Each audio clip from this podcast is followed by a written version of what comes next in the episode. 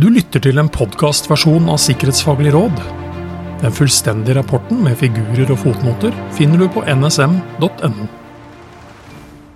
Dette er episode seks Sikker infrastruktur i hele krisespekteret. Nasjonal sikkerhet skal ivaretas gjennom hele krisespekteret. Sikkerhetsloven skal kunne stå seg over tid, tåle større samfunnsmessige endringer og teknologisk utvikling, samt dekke fred, krise og krig. Sikkerhetsarbeid må ha en lang tidshorisont og inkludere alle tilgjengelige ressurser i samfunnet for å oppnå tilstrekkelig motstandskraft gjennom hele krisespekteret. De foregående kapitlene beskriver hvordan felles situasjonsforståelse og tverrsektoriell styring bidrar til at myndigheter, virksomheter og befolkning trekker i samme retning for å ivareta nasjonale sikkerhetsinteresser. Totalforsvarskonseptet er sentralt for samfunnets evne til motstand. Det omfatter gjensidig støtte og samarbeid mellom Forsvaret og det sivile samfunn om sikkerhetsarbeid, beredskapsplanlegging, krisehåndtering og konsekvenshåndtering i hele krisespekteret. Forsvaret og de aller fleste samfunnsfunksjoner er avhengig av sivil infrastruktur for å fungere. Det omfatter f.eks. samferdselsinfrastruktur som veier, havner, flyplasser og jernbane, og infrastruktur for kraft, elektronisk kommunikasjon og satellittbaserte tjenester. Militære styrker i væpnet konflikt er helt avhengig av omfattende støtte fra det sivile samfunnet. Samtidig vil det sivile samfunnet måtte tåle store fysiske og psykiske påkjenninger i krigstid.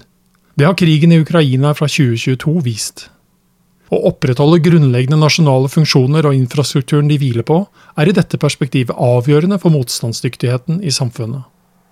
Evnen til å motta alliert forsterkninger er avhengig av at den forhåndsdefinerte infrastrukturen er tilgjengelig og fungerende. Norge har etablert planer for mottak av allierte forsterkninger i krigstid, og på forhånd definert infrastruktur, havner, flyplasser og forsyningsruter. Samtidig skal forsterkningene understøttes på en fleksibel og trygg måte så lenge de er i Norge, med helsetjenester, mat, vann og drivstoff. Sikkerhetsutfordringer Beredskapsplaner for sivil sektor er mangelfulle. Totalforsvarskonseptet er et gjensidig konsept hvor Forsvaret og det sivile samfunnet støtter hverandre gjennom hele krisespekteret.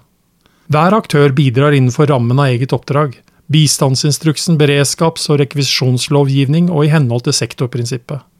Kritisk infrastruktur og kritiske samfunnsfunksjoner i sivil sektor skal opprettholdes så lenge som mulig gjennom krisespekteret.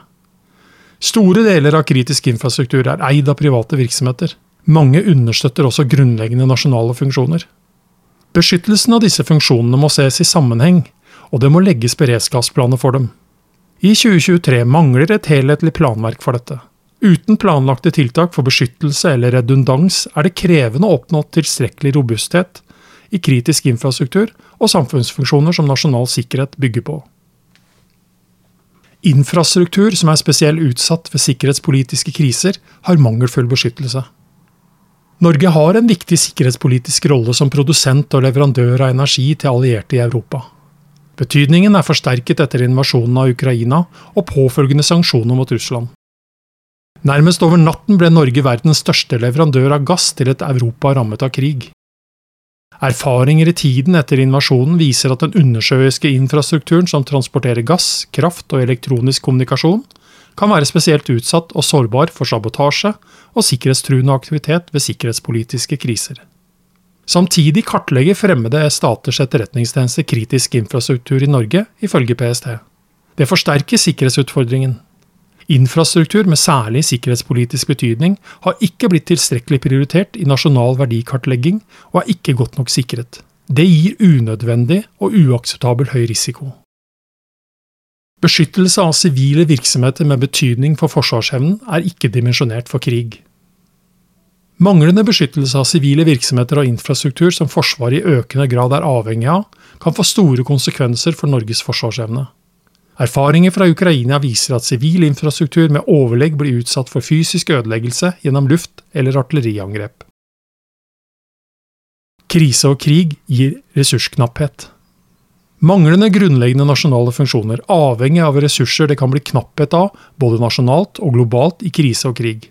Matvarer, drivstoff, medisiner eller arbeidskraft er sentrale eksempler. Å kunne opprettholde grunnleggende nasjonale funksjoner i krise og krig avhenger av den nasjonale evnen til å beskytte ressurser det er knapphet på, og til å prioritere i situasjoner der ressursene ikke strekker til. Noen sektorer, som kraftsektoren og legemiddelforsyningen, har etablert en nasjonal prioritering av ressursene. I andre sektorer mangler dette. Manglende prioritering og dimensjonering av ressurser svekker eller fører til bortfall av grunnleggende nasjonale funksjoner ved krise eller krig. Anbefalinger Totalforsvarsevnen må styrkes ved å utvikle planverk basert på krisescenarioer for sivil sektor. Planverket skal bidra til robusthet og redundans i sivil infrastruktur gjennom presise føringer for sikringstiltak. Det skal lede til beslutninger om hvilken infrastruktur som trenger beskyttelse i de ulike domenene. Eiere av slik infrastruktur må være en del av planverket og sikre at ressurser dimensjonerer tilstrekkelig gjennom krisespekteret. En scenariobasert tilnærming bør vurderes for å kartlegge hvilke verdier som vil være mest utsatt. Scenarioutviklingen bør ta hensyn til både sektorvise og tverrsektorielle dilemmaer, et helhetlig, scenariobasert plangrunnlag gir bedre grunnlag for å prioritere sikkerhetstiltak og ressurser gjennom krisespekteret. I de scenariobaserte vurderingene må det ses hen til Natos syv grunnleggende forventninger til medlemslandenes motstandsdyktighet. Dette har betydning for videreutvikling av totalforsvarskonseptet. Planverket må jevnlig testes og evalueres gjennom fellesøvelser, hvor sivil, militære myndigheter og virksomheter fra både sivil og militær sektor deltar. Deltakelse og nivå i fellesøvelsene vil avhenge av scenario, men øvelsene må ivareta et verdikjedeperspektiv på tvers av sektorer. Beskyttelse av infrastruktur og verdier med særlig sikkerhetspolitisk betydning må prioriteres. Departementene må prioritere at verdier med særlig sikkerhetspolitisk betydning blir utpekt som skjermingsverdige. Sikringstiltak må iverksettes slik at et forsvarlig sikkerhetsnivå oppnås. Utpekingen bør omfatte undersjøisk infrastruktur og annen viktig infrastruktur knyttet til elektronisk kommunikasjon, kraft og energi. Informasjon trusselaktører kan utnytte for å planlegge og gjennomføre målrettede angrep og sabotasjehandlinger, og som i dag er tilgjengelig gjennom åpne kilder eller offentlige registre, må beskyttes. Du har lyttet til en podkastversjon av Sikkerhetsfaglig råd. Mitt navn er Roar Thon.